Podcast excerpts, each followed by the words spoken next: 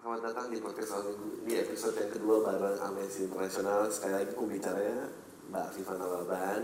Semoga acara ini gak kayak IRC kemarin ya. Maksudnya, nah, maksudnya gue sih percaya, gue lupa quote siapa yang ada yang bilang, eh, revolution is never televised. Betul.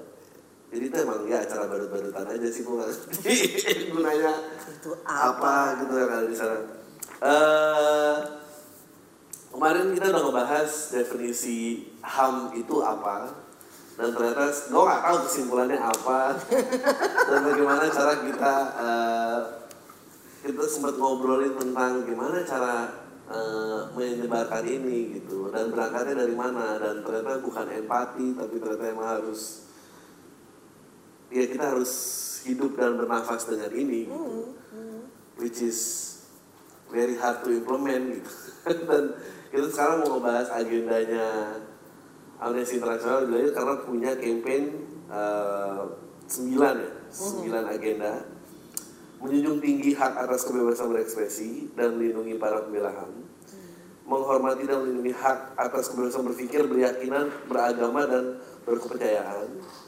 Memastikan akuntabilitas dan pelanggaran HAM oleh aparat keamanan.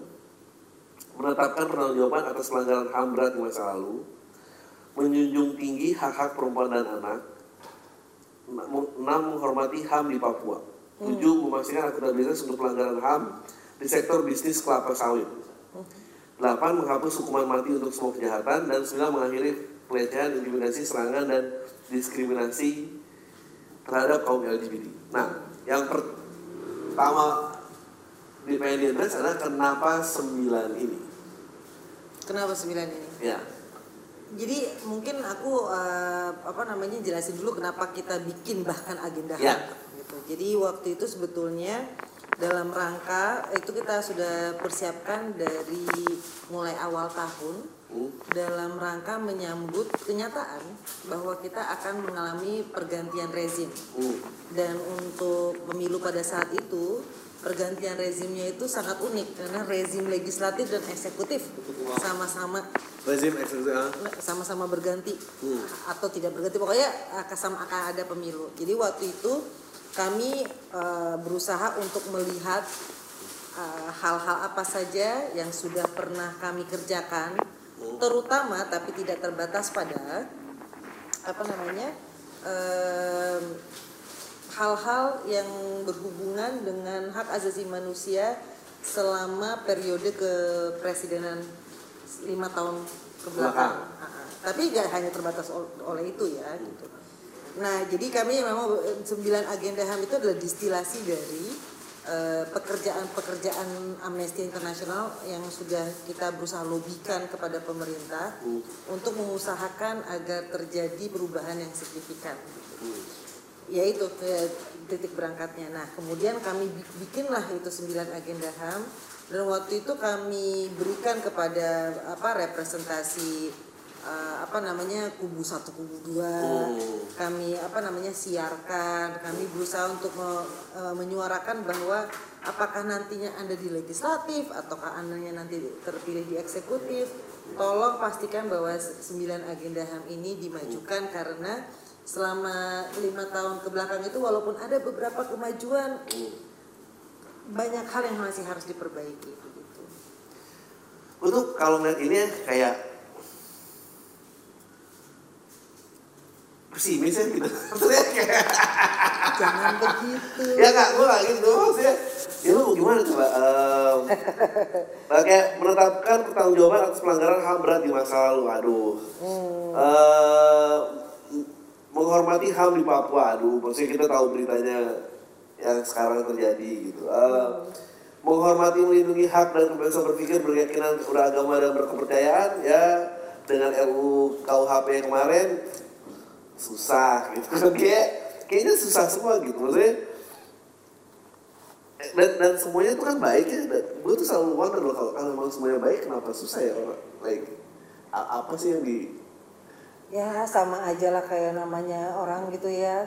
Kita semua juga pengen jadi orang baik dan tidak berdosa gitu. Tapi pernah nggak sih lo suatu hari gak berbohong gitu kan? Iya. Tapi kan intinya adalah kemudian bukan berarti lo mengatakan oh ya udah gitu kan. eh, kita nggak usah berusaha aja sama sekali. Betul betul. betul. Hak asasi manusia itu kan adalah satu standar eh, ideal yang harusnya berlaku secara universal di, eh, Ya. di apa namanya di semua tempat. Hmm. Dan emang selalu eh, kita akan harus berusaha untuk striving to perfection. Hmm. Tapi di dalam konteks Indonesia, sayangnya kita bahkan bukan untuk striving to perfection dulu, Hmm. tapi betulan membuat sistem yang bahkan memungkinkan untuk kita berusaha untuk mencapai kesempurnaan Hmm. yang saat ini belum ada. Jadi eh, kayak kita tuh tahun 98 mengatakan, hey, kita mau membuat satu negara yang melindungi hak asasi manusia, kita masukkan ke dalam konstitusi.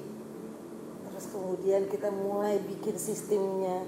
Terus somewhere along the line kita gagal. Ada berbagai kemunduran yang mengkhawatirkan. Hmm. Nah itu yang sebetulnya kita berusaha highlight di 9 agenda. Bukan semuanya gagal ya. Iya, iya, iya. Tapi itu, tapi kalau saya dibilang ini kok nggak mungkin banget sih, nggak tahu ya. Ka- Kalau tahun 80-an kita bilang bahwa uh, atau tahun bahkan tahun 90 waktu kita masih jadi macan Asia gitu orang mengatakan suatu hari kita akan bisa jatuhin Soeharto. Orang orang lain akan Ya, nggak mungkin. lu dari culik kalau ya kita gitu. Jadi maksud gue apakah mungkin kita bisa suatu saat nanti mewujudkan HAM gitu? Kan ketika tahun 98 itu ada satu langkah untuk kemudian bisa mewujudkan negara yang memang kembali lagi kembali ke marwahnya gitu. Yaitu sebagai eh, apa namanya pengemban kewajiban pemenuh eh, pengormat eh, dan pelindung hak asasi manusia gitu kan. Itu kan tahun 98 akhirnya kita berhasil bahkan menetapkan itu di dalam konstitusi. Ya ini adalah jalan yang panjang. Dan kadang-kadang emang jalan sejarah itu nggak pernah lurus kan? Kadang-kadang jalan sejarah itu agak-agak poco-poco. Tapi bukan berarti kita tidak berusaha gitu. Em, terus kalau kayak dari sembilan ini tuh ini, ini diurutkan berdasarkan kepentingan apa degree of importance apa enggak sih? enggak enggak. Secara acak. Semuanya penting secara setara hak asasi manusia itu semuanya itu indivisible. Dia itu saling bergantung satu sama lain. Ini semua itu tidak mencerminkan mana yang paling penting. Ini semua adalah sembilan bidang yang tidak mencakup semua bidang ya tapi sembilan bidang yang penting banget untuk diurus kalau kita memang pengen melangkah maju untuk menjadikan Indonesia sebagai negara yang betul-betul mewujudkan hak asasi manusia warga negaranya melindungi memenuhi dan menghormati hak asasi manusia warganya gitu. Gue gue penasaran kayak ini kan menaruh kayak mengakhiri perencanaan intimidasi serangan dan diskriminasi terhadap kaum LGBT gitu. Eh, kalau kita ngelihat di US aja gitu maksudnya eh, legalisasi eh, same sex marriage dan eh, diperbolehkan dalam military and police enforcement aja mungkin baru kayak tahun berapa ya? Tiga tahun yang lalu? Eh, kalau seandainya same sex marriage itu tiga Tiga tahun yang lalu ya? Eh, Mahkamah Agungnya mereka tuh Ya, akhirnya- tiga tahun lalu dan um, udah all, all udah semua nation ya. U- u- apa masih ada states yang masih nggak boleh? Justru karena Mahkamah Agung itu, itu menyatakan bahwa ya? semuanya tidak boleh lagi negara bagian Hmm. dianggap tidak konstitusional bila satu negara bagian mengatakan dulu tidak boleh menikah Hmm, sesama jenis gitu. Tapi jangan bandingin hak oh, Amerika sama Indonesia. Eh, maksud gua adalah um, itu kan kayak gua I used to make a joke about ya lu jangan kan LGBT orang pacaran beda agama aja putus maksudnya itu dulu maksudnya itu dulu maksudnya itu dulu yang itu ngantri lu nggak bisa like itu dulu yang maju terus kita ngerti ini aja enggak gitu bahwa so gue bukan yang mau mengurutkan ada degree of importance tapi memang ada kayak kedewasaan tertentu yang kita perlu capai dulu nggak sih before semuanya Kita nggak ada urutannya sih menurut Ya, oke. gue. Eh. Eh, apa namanya? Oh, orang beda agama yang mau menikah secara konsensual ya gitu ya. Eh, Negara tidak masa dipersulit oleh Iya. negara. negara sih tidak bersulit tapi society kan masih Enggak, masyarakat jadi Ya. Tapi di negara juga mempersulit dalam artian kayak gini. eh, sebelum ada undang-undang pernikahan tahun lalu Hmm. ta- tahun 78 Ya. itu orang itu kalau seandainya mau nikah beda agama dan tidak memiliki institusi agama yang mau menikahkan mereka Ya. maka Ketua ya dia pergi ke kota sipil aja Heeh. sekarang kita harus ke Singapura Ya. Kalau- malah mundur ya berarti. Iya, kayak Makanya. dari 178 mak- maksudnya adalah apa namanya kalau saya bilang negara mempersulit, maksudnya adalah gitu, ada undang-undang yang menyatakan bahwa dia nggak mengatakan bahwa lu harus menikah Hmm. dengan orang yang sama agama. Dia mengatakan negara hanya akan mensanction kalau lu menikah Hmm. secara agama. Ya. Kalau lu bisa mendapatkan agama yang memperbolehkan nikah beda agama, ya negara juga tidak akan mempermasalahkan. Hmm. ha-ha. Tapi apa namanya bahwa di, ditambahin extra step itu ya. Hmm. Nah, kalau seandainya apa namanya eh, balik lagi tadi, kalau seandainya beliau bilang, oh eh, apakah eh, apa namanya masyarakat harus dididik tentang kesetaraan dan lain sebagainya, ya betul. Memang iya karena eh, Indonesia banyak sekali gua saya rasa sih, tapi ini adalah eh, pengamatan secara amatir ya. Banyak memang eh, terutama negara-negara yang pas eh, yang apa namanya mantan dijajah Hmm. itu yang sang- malah lebih sulit untuk menerima bahwa boleh ada kesetaraan. Iya kayak oh ini ya eh, sudah biasa dijajah ya. Kita secara sistem itu masalahnya kita secara sistematis itu diajarkan bahwa kita tidak ada yang setara. Ada kelas bumit putra di Ya. dalam kelas bumit putra sendiri ada yang Ya. kalau lu ningrat kalau lu Ya. rakyat jelata beratus tahun dicuci otak tidak ada itu artinya kesetaraan Hmm.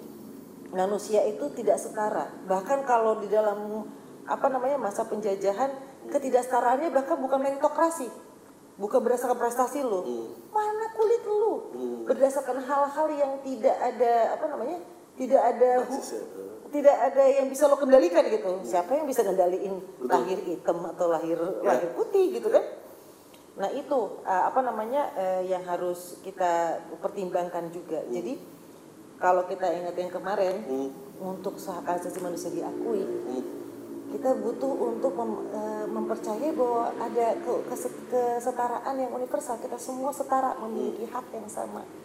Dan itu yang harus apa namanya uh, itu yang harus dibantu masyarakatnya untuk memastikan uh, mengetahui itu.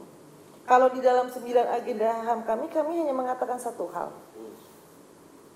LGBT itu Hmm. memiliki hak yang setara dengan orang-orang lain.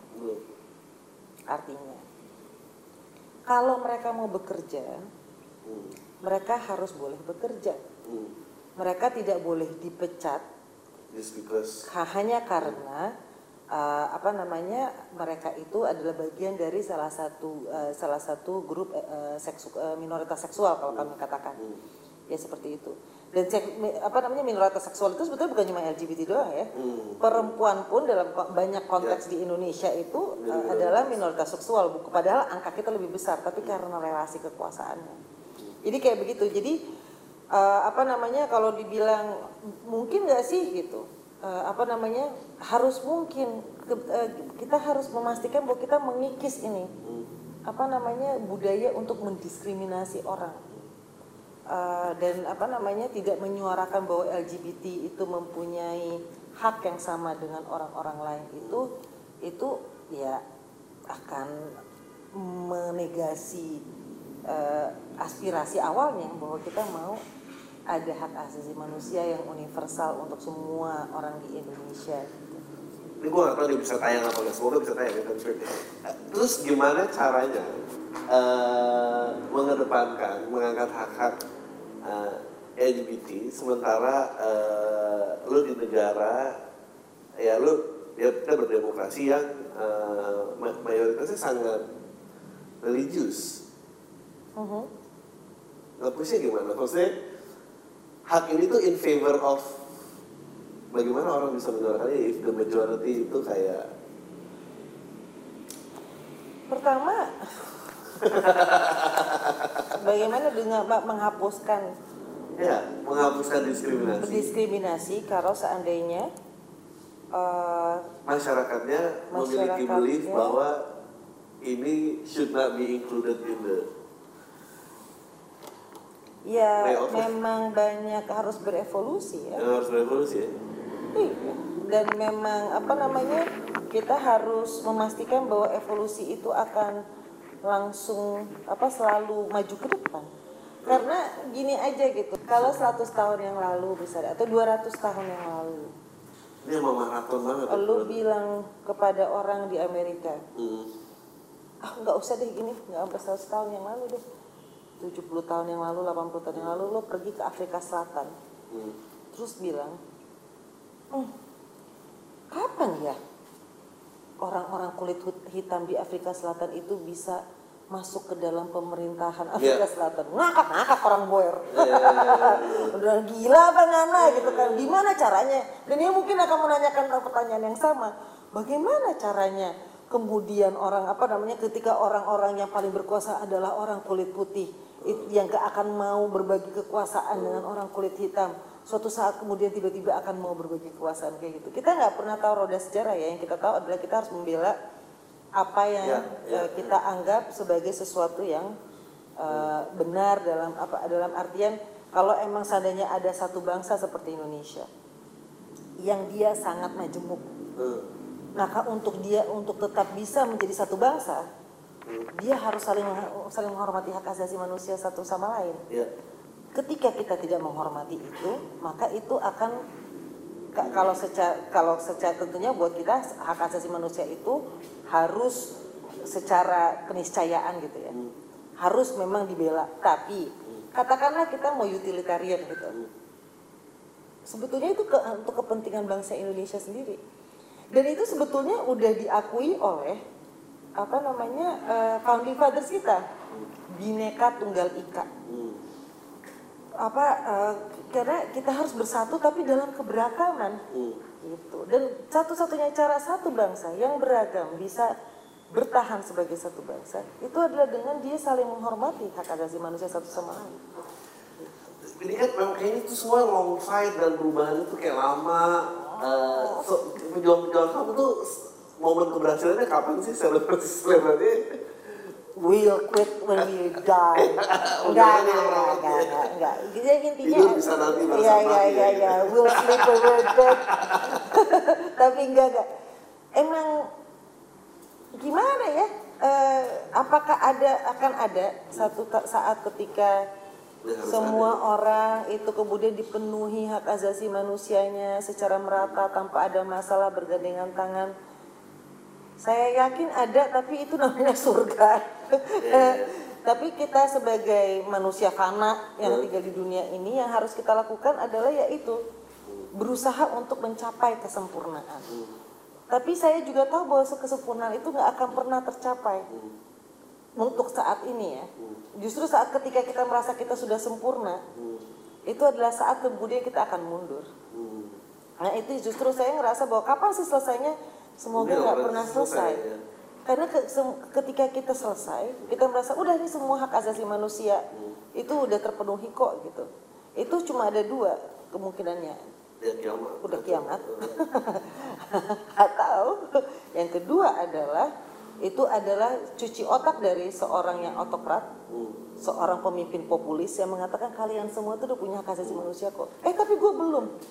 Terus siapa udah punya. Tapi beneran belum. Oke tolong diculik. Eh, gitu. Kita menghabiskan waktu orde baru kayak gitu. Kayak di Jedi Mind Trick gitu. Your human rights are fulfilled. Belum. Your human rights are fulfilled. Belum. Eh, tolong itu di bawah. Di bawah eh, siapa? Katakanlah Marsina atau Wiji apa, Tukul apa, gitu apa kan. tadi eh, apa istilahnya tadi di orde baru kita kayak di jadi apa otok apa bukan Ah, Iya, kita berada di dalam satu masa otokrasi, Otokrasi. di mana kita atau uh, di bawah satu pemimpin populis, apa namanya, di mana apa namanya eh, kekuasaan itu kemudian dipertahankan dengan mempertahankan ketegangan antara fantasi Hmm. kehebatan bangsa, Hmm. gitu kan, sama ketakutan. Ya dikenakan kekerasan oleh negara itu di- kita itu apa di- dibuat patuh dengan ditempatkan di tengah ketegangan antara dua itu. Ini, ini agak melenceng sih, tapi tadi lu ke figur yang menerima. Soalnya gue penasaran ken- kenapa ya ada orang itu ya? Maksudnya kenapa ada orang yang berpikir bahwa nggak gue bisa nih mengkontrol semuanya dan memberikan Iya, emang gila aja apa emang enggak apa menurut pasti ada delusions delusions of grandeur mungkin iya tapi Hmm. juga kadang-kadang banyak loh orang-orang yang seperti ini ya yang kalau lu baca diarinya lu Hmm. baca memoirnya Hmm. atau lu tanya sejarawan yang mentrack kehidupan Hmm. mereka mereka itu banyak dari antara mereka itu betul-betul ilustrasi dari Hmm. eh, apa namanya pepatah bahasa Inggris Hmm. bahwa apa namanya the road to hell is paved with good intentions. Hmm. Jadi kayak misalnya gitu ya eh, Soeharto dia genuinely believe Hmm. dia ingin mempertahankan persatuan Indonesia at any cost. Hmm. Kayak Pak Mas gitu ya? Pembang, iya ya. exactly. Exactly, mana deh? In a comical way. Exactly. Dia itu bukan buat dia sendiri juga. Kalau Thanos malah itu perfect example. Dia beneran di kepala dia itu bukan buat dia. Iya. Itu Tapi buat the good of uh, dia juga. Tapi orang-orang yang menyaksikan di luar dia kayak what are you doing gitu. ya kayak gitu persis gitu. Ada tentunya yang korup, Iya, iya. ada tentunya gitu. Tapi kalau banyak sekali ya, terutama yang kemudian jadi otokrat-otokrat besar Hmm. Yang apa namanya eh, yang diakui oleh dunia gitu ya.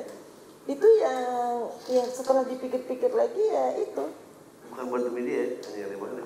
ya, sangat aneh sangat aneh. Tapi juga kadang-kadang gitu kayak biasanya gayung bersambut. Ada orang yang betul-betul genuinely believe dia punya formula untuk menyelamatkan bangsanya. Tapi dia juga harus ada di satu situasi di mana negaranya itu penuh dengan orang-orang yang desperate untuk juru selamat Hmm, iya. Nah, ketika dua itu bergabung, Oh, iya, iya, iya. Gua, gua juga, itu tapi referensi jadi komik ya. Eh, kalau kalau ada yang nonton Watchmen tuh menurut gua juga Alan Moore itu kan dia akhirnya Yes. setelah perang dunia kedua habis dia udah ngebantai Nazi superhero ini bingung kayak ini kita mau ngapain ya? Kan kita ada absence of eh, musuh bersama gitu terus akhirnya terbagi dua kubu kan satu Iya. yang berdaya nggak solving crime tuh case by case case by case dan mungkin never ending gitu. Mm. gue rata pikir kayak kayaknya nggak bisa gini ya kita harus satu itu menurut gue salah satu kita harus bisa mempersatukan human kind apa segala macam. itu tapi itu benar. Dan dua-duanya nggak ada yang kalau seandainya tanpa konsekuensi kita ngelihat dua posisi moral tersebut nggak ada yang salah. Tapi kalau lihat konsekuensinya kayak oh Iya. gitu itu yang saya rasa sih apa namanya eh, saya yang saya rasa kita emang harus mikirin lagi ya balik lagi ke tadi poin bahwa ya itu gimana ya kalau seandainya apa kita mema- memastikan hak asasi manusia itu kok kayaknya nggak selesai. Selesai itu kayak apa namanya kayak eh, gunung yang gak tercapai atau kayak eh, cerita Yunani itu atau Yunani ya itu yang apa namanya ada seseorang yang dihukum gelindingin batu hmm, di Hades apa Hades di dihukum dia gelindingin batu terus abis itu wah udah mau naik mau, nyampe bu- puncak bukitnya gelundung ke bawah lagi. Terus sampai apa namanya forever and ever in eternity gitu ya. Tapi emang saya rasa emang idealnya justru gitu. Kalau kita berhenti malah menakutkan. Menurut gue juga bilang itu mungkin nggak pernah bisa terwujud dari tapi once ide itu pernah ada di kepala manusia manusia pasti manusia akan terus bergerak towards that idea. Sampai itu eventually hanya kayak ini gue depresi ngomongin ham ah. Welcome to my world nggak- gua nggak enggak, kebayang sih bang kamu. Hidupnya kayak apa gitu kita gimana. pejuang ham kita Ya. Nggak pejuang ham menurut gua kayak apa semua orang itu memperjuangkan hak haknya masing-masing loh cuma kita berusaha kayak orang-orang kayak gue berusaha untuk mengatakan hey kalau kita semua memperjuangkan hak kita semua dan kemudian mengakui bahwa kita semua mempunyai hak yang secara setara akan alangkah lebih baiknya gitu karena kalau seandainya lu merasa hak lu hanya terpenuhi dengan hak gua maka siapa apa yang menjamin orang lain tidak akan melakukannya dan orang lain tidak akan melakukannya dan akhirnya yang, yang lo dapatkan adalah chaos dan ketidaksetaraan yang meluas gitu. jadi kalau seandainya lo bilang terus gimana caranya lo tidur nah, sleep is escape. Kenapa lo gimana cara jawab tidur? I look forward to sleep every night. Enggak, enggak, enggak. Oke, nah ini eh, mungkin yang paling sering, memang gue kemarin juga baru me- berdebat soal ini. Eh, kan yang nomor satu adalah menjunjung tinggi hak kebebasan berekspresi Hmm. dan melindungi para pembela HAM.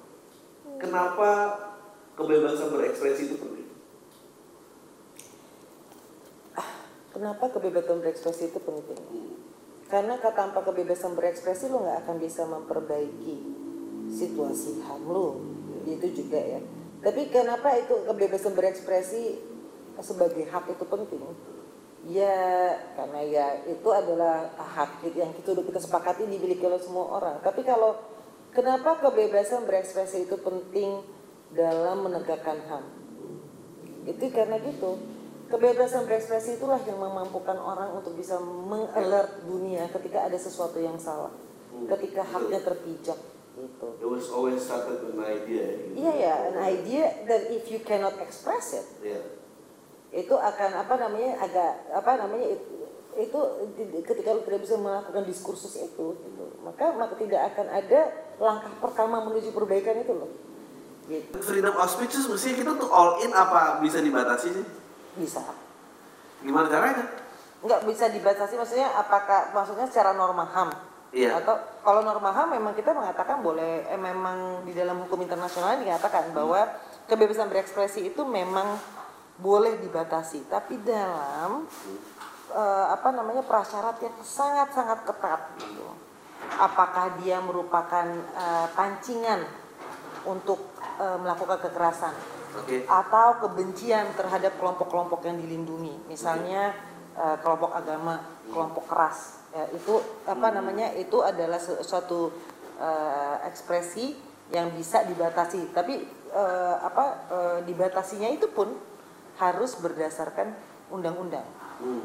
dan harus dispesifikasi dengan sangat ketat gitu. Kapan dia masuk ke dalam incitement of hatred atau incitement to violence atau jadi ada sebetulnya kita emang di uh, hak asasi manusia itu memperbolehkan ada limitations Hmm. tapi uh, permissible limitationsnya itu sangat Kecil. sempit Iya, sempit. Mm-mm.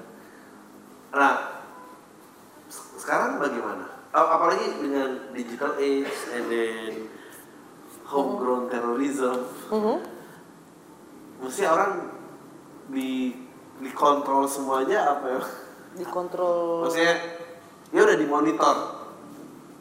Apakah itu juga kalau di kalau dimonitor sih udah pasti ya. di monitor I don't akan- agree akan- with it, akan karena jadi itu ya. udah balik lah itu Itu akan beda lagi bisa Kayak beda lagi.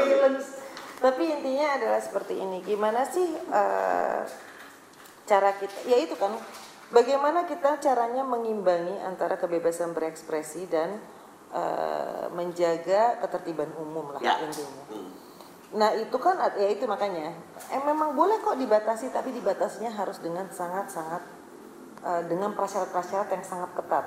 Pembatasan itu tuh eh, betul-betul hanya untuk tujuan-tujuan yang diperbolehkan dan harus di- dijabarkan dengan jelas gitu. Dan harus di dan it- eh, pembatasan itu harus ditetapkan melalui undang-undang. Tapi ya aku tuh merasanya untuk memanage kebebasan berekspresi itu sebetulnya eh, lebih penting lagi adalah untuk memastikan kita mempunyai pendidikan yang bagus Hmm. untuk punya critical thinking. Ya. Apakah akan ada orang-orang yang berusaha untuk me- apa namanya untuk menyebarkan ketakutan melalui media sosial, melalui hoax dan lain sebagainya pasti ada. Ini sekarang itu bahkan salah salah satu karir sekarang jangan-jangan Iya. sama youtuber. ya itu kan. Tapi hmm, yang paling tapi dia tidak akan bisa efektif kalau orang itu kritis. Ya, betul. Kalau orang kemudian ketika dikirimin video apa segala macam reaksinya bukan wait, tapi wait, Ya. bentar dulu gitu. Itu justru yang saya rasa apalagi di internet eh, internet age ini ya, Ya. gitu. Itu apa namanya? Yang paling penting itu justru untuk membuat orang lebih intelektual dan kritis Hmm, hmm. dalam hidup di dalam eh, dunia digital. Gak ada lagi caranya. Ya, ya, ya. Karena pakai undang-undang pun Gak susah. bisa, siapa yang mau beli monitor satu-satu? Siapa yang bisa? Setiap status Facebook itu mau dilihat-lihatin. Mm-mm. Ibaratnya kalau lu adalah komputer, Eh, lu harus dipasangin firewall. ya. Terserah lu gitu. Kalau gue bilangnya apa, apa jangan pakai Avast gratisan, Hmm. pakai Avast yang berbayar gitu. Maksudnya Iya. lu harus emang lu harus menginstall selama ini aja nih kita lagi sekarang lagi banyak demo apa segala macam kan pasti WA lu masuk tuh Iya, iya, semua wah apa bombastis gitu kan dari berbagai kubu gitu kan nah itu kan ada ada footage-footage yang akan membangkitkan kemarahan langsung Iya.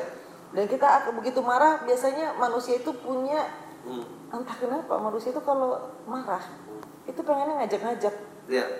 gitu kan jadi pengennya langsung cut forward gitu kan jangan padahal sebetulnya banyak hal yang bisa kita lakukan ya misalnya kita ngajarin orang untuk kalau lu ngelihat bahwa di di video itu udah di forward udah 70 ribu kali Ya.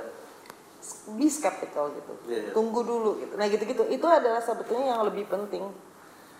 Eh, kalau ya, gue karena background advertising, eh pengen dulunya akan segera bergerak, eh, bergerak eh, eh, berbalik, Bah- bahkan kalau perlu diterusin aja semua yang eh, user generated content, karena pada akhirnya nanti eh, konsumennya akan merasa bosen dan penyeleksian tuh eh, akan dimulai gitu. Dulu kan kita media yang terseleksi kan kita alergi itu sebagai user generated kan.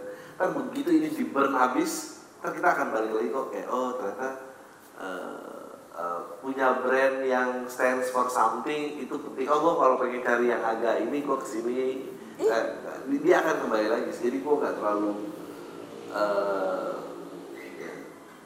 tapi tapi from your own personal opinion gitu ya apa sih yang negara takutin dari pasal ini? Dari pasaran kebebasan berekspresi. Kenapa kenapa selalu yang sulit itu? Apa selalu apa, ujung-ujungnya mereka parno makar parno separatisme harus NKRI harus mati Indonesia itu kita secara inherent hmm, itu selalu apa namanya takut dengan segala sesuatu yang kebablasan. Kita anggap sebagai Hmm. kebablasan. Tapi gimana ya? Apa sih yang mereka takutkan dari freedom of expression ya. Gitu kayaknya itu sesuatu hal yang paling tabu dan paling maksudnya kita lihat perjuangannya sulit. Mungkin 98 baru terjadi media aja baru akhirnya bisa keluar dari ibu kota tuh tahun 98 maksudnya baru daerah-daerah lain punya radionya dan apa dan sekarang punya after all uh, what is more powerful than an idea iya sih apakah lo apa namanya apakah pemerintah itu eh, mempunyai apa namanya eh, patut Hmm. mempunyai alasan untuk takut terhadap beberapa gagasan tertentu They Ya, should. iya, they should Hmm. tapi apakah itu dengan akan kemudian dijawabnya dengan pemidanaan oh itu pemerintah yang malas Hmm. oke karena it, then you don't want to do the the hard work of educating your people. Eh. mau apa sekarang? Karena misalnya pidana tuh cost loh dari negara ya. Dan tidak efektif. Iya. kalau seandainya sistem penjaranya masih kayak sistem penjara Indonesia. Nah itu itu maksudnya apa tuh? Misalnya. Tidak efektif. Eh. itu tidak efektif. Nggak kita nggak usah ngomongin ekspresi dulu. Narkoba. Ya.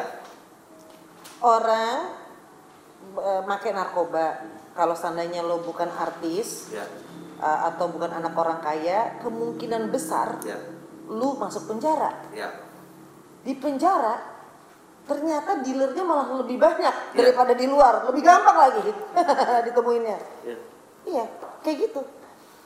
Lu menciptakan suatu sistem yang memberikan keamanan semu kepada masyarakat yang mengatakan bahwa oke, gua penjarain lah Hmm. orang-orang jahat ini. Di penjara mereka menj- mendap apa namanya itu kayak apa namanya school of rock. Iya, iya. mereka malah dapat sekolah lebih tinggi lagi untuk menjadi Iya, iya. penjahat yang lebih keren lagi. Mereka malah networking. ya Hmm, ibaratnya kalau seandainya lo lagi di comedy club gitu ya, lo malah jadi networking sama teman-temannya. Itu di penjara kayak gitu, jadi networking. Ya tadinya lo nggak jahat-jahat banget, tiba-tiba jadi bisa. Tadinya gue lo ngerampok sendiri, setelah lima tahun lo jadi punya teman bisa ngerampok berempat. Hmm. Ya gitu. Nah itu, nah sama ama, am- sa- sama ama eh, pemikiran bahwa ya udah kalau kan gagasan-gagasan A B C D E itu kan berbahaya. Mendingan orang yang menyuarakan gagasan seperti itu ya kita penjarain aja. Emang efektif? Yang ada mereka malah misalnya ya katakanlah eh, apa namanya eh, religious radicalism. Ya. Terus lo penjara Hmm. Dia bikin dia dia bikin Oh, lebih oh, dia bikin kelompok doanya di sana. Iya lah jadi malah dia oh dia malah senang jadi perekrutan. Lah. Eh, Orang desperate tuh banyak di penjara gampang direkrut. iya. Jadi kayak kalau seandainya apakah negara legitimate? Eh, emang beralasan untuk menakuti beberapa gagasan tertentu?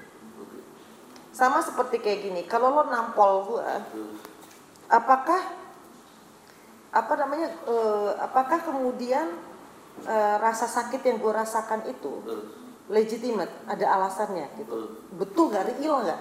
Real rasa sakitnya. Hmm, tapi kalau gue ditampar di pipi sakitnya di sini hmm, tapi kemudian lutut gue yang gue taruh es eh. Nggak ya, ngapain ya? Mana kayak eh, iya itu itulah mas itulah hubungannya sama mengatasi masalah dengan pemidanaan. Hanya dengan pemidanaan gitu ya. Gue sih percaya bahwa kalau sebenarnya ekspresi-ekspresi yang em, menggunakan kekerasan atau membujuk orang menggunakan kekerasan itu dua-duanya memang harus dibatasi. Iya.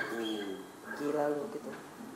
Tapi apa namanya selain daripada itu maka banyak hal-hal ekspresi-ekspresi yang dianggap bermasalah itu sebetulnya permasalahannya adalah pendidikan counter naratif. Gitu loh.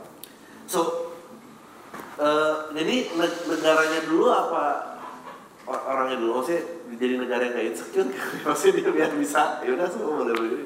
semua negara kan semua pemerintahan semua rezim itu semua orang yang berkuasa. Eh, itu akan berusaha untuk mempertahankan kekuasaannya Ya oke. Jadi mereka akan selalu try to whatever yang bikin lu stay di situ ya gue akan lakuin gitu. Iya, tapi yang kita berusaha katakan adalah lo harus mempertahankan kesatuan dan mempertahankan kekuasaan dengan cara-cara yang menghormati HAM, Hmm. gitu. Dan kenapa? Karena emang nggak ada gunanya mempunyai pemerintahan kalau dia itu kayak itu sama seperti kayak lo kalau seandainya pemerintahan yang tidak mem- tidak mem- tidak memenuhi tugas-tugas hak asasi manusia kepada warga negaranya itu sama aja sama punya mobil yang nggak bisa lo kendarai yang mesinnya hilang Hmm. Ya. marwahnya itu mobil Ya. tujuannya itu mobil adalah supaya lo bisa kendarai untuk kendarai untuk ke poin A untuk poin B mau mobilnya sekeren apa kagak ada mesinnya atau kagak ada rodanya gitu ya dia tidak bisa memenuhi tujuan ke keberadaan hidupnya maka dia jadi barang yang nggak berguna. Sama dengan pemerintahan. Sebenarnya gue baru notice ya ngobrol sama lo ya, lo di train dua bulan jadi up comedian bisa lo karena analogi lo kayak analogi lo on point tinggal butuh belokan itu kan you can get your message across in lebih cara yang lebih pop. Kayak partner lo makan kerjanya setuju. ya dikit lagi di kalau tadi gue bikin kalau analoginya itu sebenarnya lucu banget tuh kalau tapi intinya itulah menurut gua kayak kita memang harus memikirkan tentang apa namanya apakah negara kita smart dalam menjawab tantangan yang dia hadapi?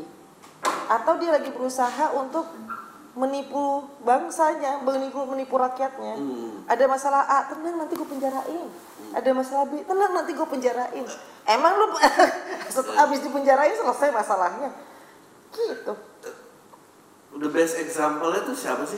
Apa? Dalam praktisi freedom of speech sebetulnya. We, we can pick a country gitu.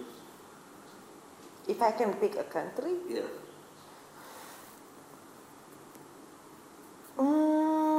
Gue akan mengatakan negara-negara Eropa prakteknya cukup bagus. Hmm. Hmm, bahkan Amerika menurut gue kadang-kadang agak kebablasan.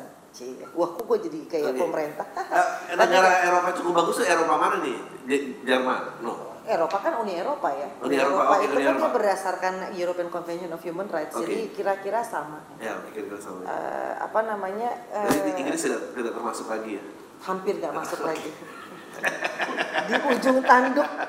Aduh, boring itu gue banget, gue nggak tahu sekarang dia situasinya di mana sih, masuk kok keluar sih. gue tadi yang ngikutin beritanya loh Sampai sebagai capek. sebagai alumni Chevening yang baik gitu sampai akhirnya gue kayak capek sendiri gitu kayak yang udah deh nanti kalau tiba-tiba gue lihat headline-nya Brexit is done baru gue kemudian akan nyusurin beritanya ke belakang karena ini tuh kayak oh my god what is happening gitu tapi ya itu kekerasan thresholdnya dia itu itu sangat tinggi untuk kemudian orang ini bisa diciduk Hmm.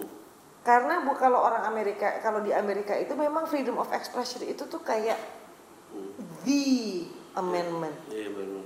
the first amendment the basic Hmm. element oh the basic foundation of the nation gitu gitulah tapi kalau di Eropa mungkin dia masih agak lebih hmm, lebih Ketat. Lebih ada eh, pembatasan tapi pembatasannya itu lumayan precise gitu Hmm, misalnya hmm, kalau seandainya lu itu misalnya eh, bagaimana berekspresi di internet misalnya Hmm. Eh, kalau berekspresi di internet itu misalnya kalau di sana mereka itu mengatakan bahwa oke lu sebagai user punya right to be forgotten Hmm. Jadi ketika lo apa jadi bahkan hak lo Right to be forgotten tuh di wipe out ya? Hmm. Jadi kayak misalnya foto bugil menyebar, wipe out. Hmm. Oke. Ya, jadi Oh, iya, yang itu adalah sesuatu yang eh, right to be forgotten itu bukan sesuatu yang diakui oleh Amerika misalnya. Eh, Oh, ya. oke. Eh, apa namanya eh, beberapa ekspresi tertentu di eh, apa namanya di da- dalam ranah internet bahkan gitu di Eropa itu lebih tidak diperbolehkan gitu. Hmm. Eh, misalnya misalnya di Jerman misalnya mereka juga misalnya tidak memperbolehkan tuh yang namanya apa namanya membuat part, apa ini kan ber- ber- berhubungan dengan berserikat berkumpul nggak boleh memperbolehkan ada eh, ada pendirian partai Nazi baru gitu-gitu Hmm. itu adalah sesuatu yang tidak ada larangannya Hmm. di Amerika Ya kalau mau bikin KKK lagi ya bikin aja. silakan gitu kalau di Eropa kayak ah gitu kan Seba- kayak terutama di Jerman ya kayak no no no no no no, no gitu jadi apa eh, secara legal dia tidak diperbolehkan jadi memang terus, oke, ini mungkin buat penutupan aja sih, salah itu promo. ya, ya, ya. Ya. Em, jadi kalau di Indonesia Hmm. dinyatakan berhasil bahwa kita mendapat hak untuk bebas berekspresi itu ininya apa sih? Eh, apa sih momentum ya? Bukan momentum apa? Apa namanya? Tanda keberhasilannya di mana? Perjuangan ini berhasil itu apa? lo bisa stand up direkam Dan gak ada yang nuntut. Eh, Iya, ya benar. "Eh," gitu. Eh. Tapi Apa sih momen? Iya keberhasilannya apa sih? ya itu bahwa ketika lo melakukan mem- eh, melakukan ekspresi yang damai Hmm. lo melakukan ekspresi yang bukan membangkitkan kebencian terhadap, kelompok-kelompok yang dilindungi Hmm. lalu melakukannya dengan ya baik-baik aja Dan itu should be stated somewhere atau apa? ya da- dan itu memang apa pembatasan seperti itu memang harusnya dilakukan dalam undang-undang kayak sebetulnya ya itu kalau seandainya tentang freedom of expression nanya dan gimana caranya supaya freedom of, eh, apa, apa tandanya ya itu bahwa orang itu bisa mengekspresikan eh, apa pendapatnya dia Hmm. tanpa takut untuk dipidana Hmm. gitu. Kalau emang lu ada masalah banget, misalnya oh reputasi gue terganggu, itu ada namanya mekanisme perdata. Hmm. Kita bisa saling menuntut di sana. Ya, ya, ya. Ya, karena itu adalah warga sipil ke warga warga sipil. Tapi negara harusnya tidak menggunakan kekuatannya untuk membatasi eh, kebebasan eh, apa kebebasan orang mengekspresikan ekspresi-ekspresi yang sah gitu. Berarti kalau penistaan agama tuh masih sipil sama sipil ya? Karena aduan kan itu. Negara, Oh, enggak oh, tapi negara bisa masuk juga eh. itu pidana itu pidana Nah, pidana. itu pidana tapi ada yang namanya delik aduan ada Delik yang aduan. pidana otomatis sih ya jadi pidana delik aduan itu adalah dia hanya pidana kalau ada yang ngadu Iya, iya. baru polisi bisa melakukan penyidikan apa segala macam Ya. kalau kagak ada yang ngadu dia nggak boleh Sementara ada beberapa hal seperti mencuri, Ya, ya, itu nggak ada yang ngadu pun, polisi itu kemudian bisa Ya, ya, ya. Heeh.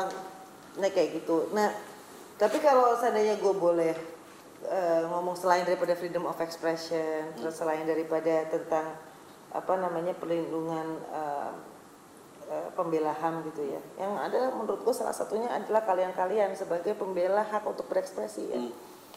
Eh, hal yang paling pertama, langkah pertama yang dibutuhkan, yang sebetulnya resonate di sembilan agenda HAM kami itu adalah untuk menghentikan impunitas, Hmm. Meng- apa namanya mulai eh, mengajarkan kepada mereka yang berkuasa bahwa ketika lu melanggar hak asasi manusia, maka ada konsekuensi hukumnya. Lu tidak akan jalan melenggang kangkung bebas gitu loh. Hmm. Jadi di dalam di, di- kami mempunyai agenda misalnya tentang eh, security apa namanya tentang eh, pelanggaran HAM oleh eh, pasukan keamanan.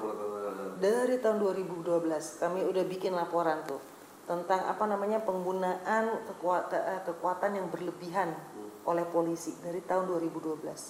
Kami udah mengatakan bahwa oke polisi itu kalau seandainya di dalam situasi eh, demonstrasi, dalam situasi eh, apa namanya eh, berusaha untuk mered- apa, meredam ketika apa ketika ada gejolak gitu, itu cenderung menggunakan kekuatan yang berlebihan Hmm.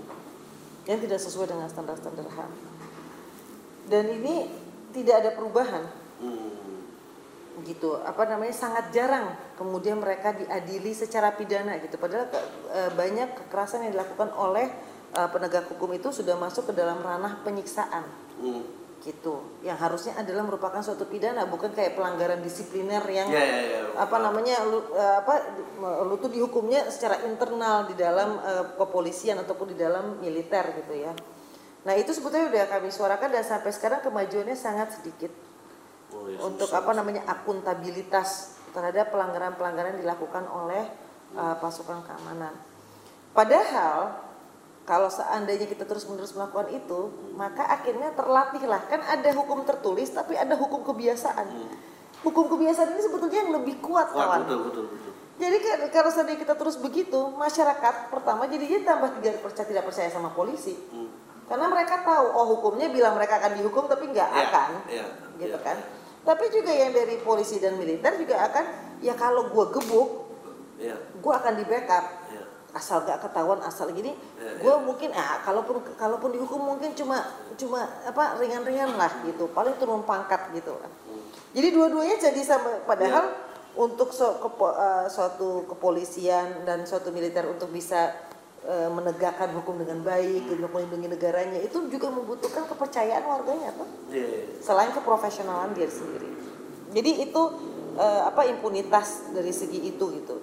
Jangan sampai juga kayak begini juga tapi misalnya oke eh, kita akan kalau seandainya sampai ada yang eh, melakukan eh, pengguna kekuasaan berlebihan kita akan hukum. Hukumnya juga hukum yang tidak terlalu apa hukumannya tidak terlalu bagus gitu ya tidak terlalu eh, berat dan tidak melalui eh, pengadilan pidana. Tapi kemudian secara lembaga atau secara uh, aparatnya yang mereka yang pelajaran yang mereka dapatkan justru kalau begitu kartu pos itu merepresentasikan satu agenda dengan satu kasus sebagai pengantar terhadap topik yang di cover dalam agenda tersebut. Misalnya kalau yang ini itu adalah ungkap tragedi Painai akhiri kekerasan di Papua. Itu adalah untuk eh, membicarakan tentang baik itu tentang eh, apa impunitas kekerasan dilakukan oleh eh, aparat keamanan dan impunitas yang sangat prevalen di eh, di Papua dan Painai itu sangat penting karena dia adalah satu kasus yang waktu itu pernah dijanjikan oleh pemerintah Indonesia bahkan sampai ke PBB bahwa kita akan menyelesaikannya tapi sampai sekarang penyelidikannya aja belum dilakukan hmm. laporan eh, laporan pelanggaran HAM-nya belum dikeluarkan gitu. Nah, ini misalnya seperti ini, nah nanti di sini akan ada eh, suratnya, nah apa namanya dan apa namanya teman-teman bisa memberikan juga eh, apa eh, pesan tambahan tentang topik ini dan kemudian ditandatangani dan ini nanti kemudian bisa dikirimkan gitu. Kalau untuk eh, surat yang ini itu untuk eh, ditujukan kepada Presiden Republik Indonesia gitu. Oke. Jadi macam-macam. Kalau yang ini adalah baik Nuril kita mera- eh, misalnya gitu ya, kita merayakan sebetulnya bahwa eh, dia diberikan amnesti. Ya. Eh, tapi kita juga mau supaya ini tidak hanya menjadi pengecualian, tapi semua, Semua. orang yang menjadi korban pelecehan seksual itu itu dapat mendapatkan perlindungan gitu misalnya. Jadi eh, salah satunya adalah dengan cara mengundangkan RUU PKS Hmm. bukan yang partai, tapi yang penghapusan kekerasan seksual. Iya. Ya, tapi apa namanya? eh, jadi ini eh, apa namanya? eh, kami juga sama. Jadi ini adalah permintaannya. Ini ditujukannya kepada eh, apa? Ketua Dewan Perwakilan Rakyat Republik Indonesia. Kayak gitu sih. Untuk jelasnya eh, bisa visit amnesty.id, tepatnya amnesty.id slash pena. Dan kemudian sih kami betul-betul mengundang supaya teman-teman apa namanya kakek neneknya juga diajak gitu ya tulislah eh, apa namanya kirimkanlah eh, apa postcard postcard ini untuk kemudian menunjukkan kepada eh, orang kepada eh, DP anggota DP oh sorry ini yang si eh, tentang apa, human rights defenders nah, ini eh, kalau yang ini adalah Novel Baswedan jadi ini apa namanya kita tuh pengen mendorong supaya orang-orang itu betul-betul bergerak dan menunjukkan secara real kepada DPR, kepada kementerian terkait, kepada presiden bahwa masyarakat itu peduli. Justru karena saya rasa ini udah sangat penting untuk membuat demokrasi kita berarti gitu. Saya tuh pengen banget ya bayangannya saya suatu saat nanti tuh kita akan dengan aktif betul-betul mengejar anggota DPR yang merepresentasikan daerah kita uh, betul-betul mengejar apa namanya betul-betul terlibat di dalam proses demokrasi ini dan hold our representatives accountable gitu. Nah ini dimulai latihannya dengan pena. Oke. Terima kasih. Thank you.